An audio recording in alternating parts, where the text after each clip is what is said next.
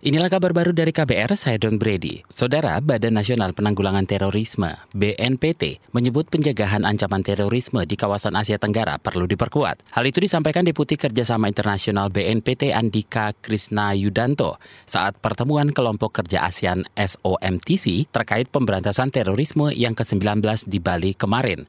Menurut Andika, perlu komitmen serius dari masing-masing negara anggota ASEAN untuk upaya pencegahan terorisme. Kita bicara mengenai satu adalah uh, mengenai landscape uh, ancaman terorisme di kawasan dan dari masing-masing negara anggota ASEAN menyampaikan uh, permasalahan utama maupun juga termasuk juga upaya mereka dalam penanggulangan terorisme baik di masing-masing negara dan juga dengan semangat untuk bekerja sama secara kawasan.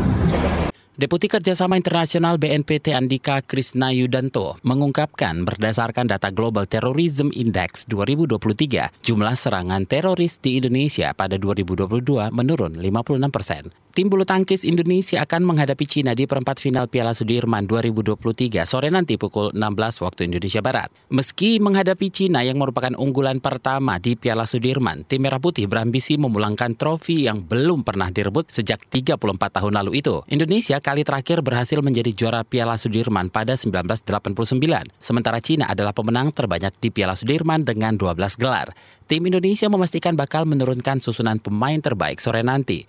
Pemain-pemain utama seperti Anthony Ginting, Gregoria Mariska Tunjung, ganda putra Fajar Rian, dan ganda putri Apriani Fadia kemungkinan besar akan diturunkan. Saudara Presiden China Xi Jinping mengungkapkan sebuah rencana ambisius untuk membantu kemajuan pembangunan di negara-negara Asia Tengah, mulai dari pembangunan jaringan infrastruktur sampai peningkatan perdagangan.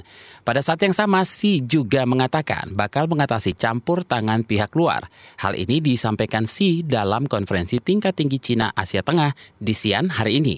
Melansir Reuters, Cina menyatakan siap menyinergikan strategi pembangunan dengan lima negara Asia Tengah, yaitu Kazakhstan, Kirgistan, Tajikistan, Turki, Turkmenistan, dan Uzbekistan, serta melakukan upaya bersama dalam meningkatkan modernisasi di enam negara. Pertemuan puncak di Xi'an itu digambarkan oleh media Cina sebagai kemenangan diplomasi Cina di tingkat regional.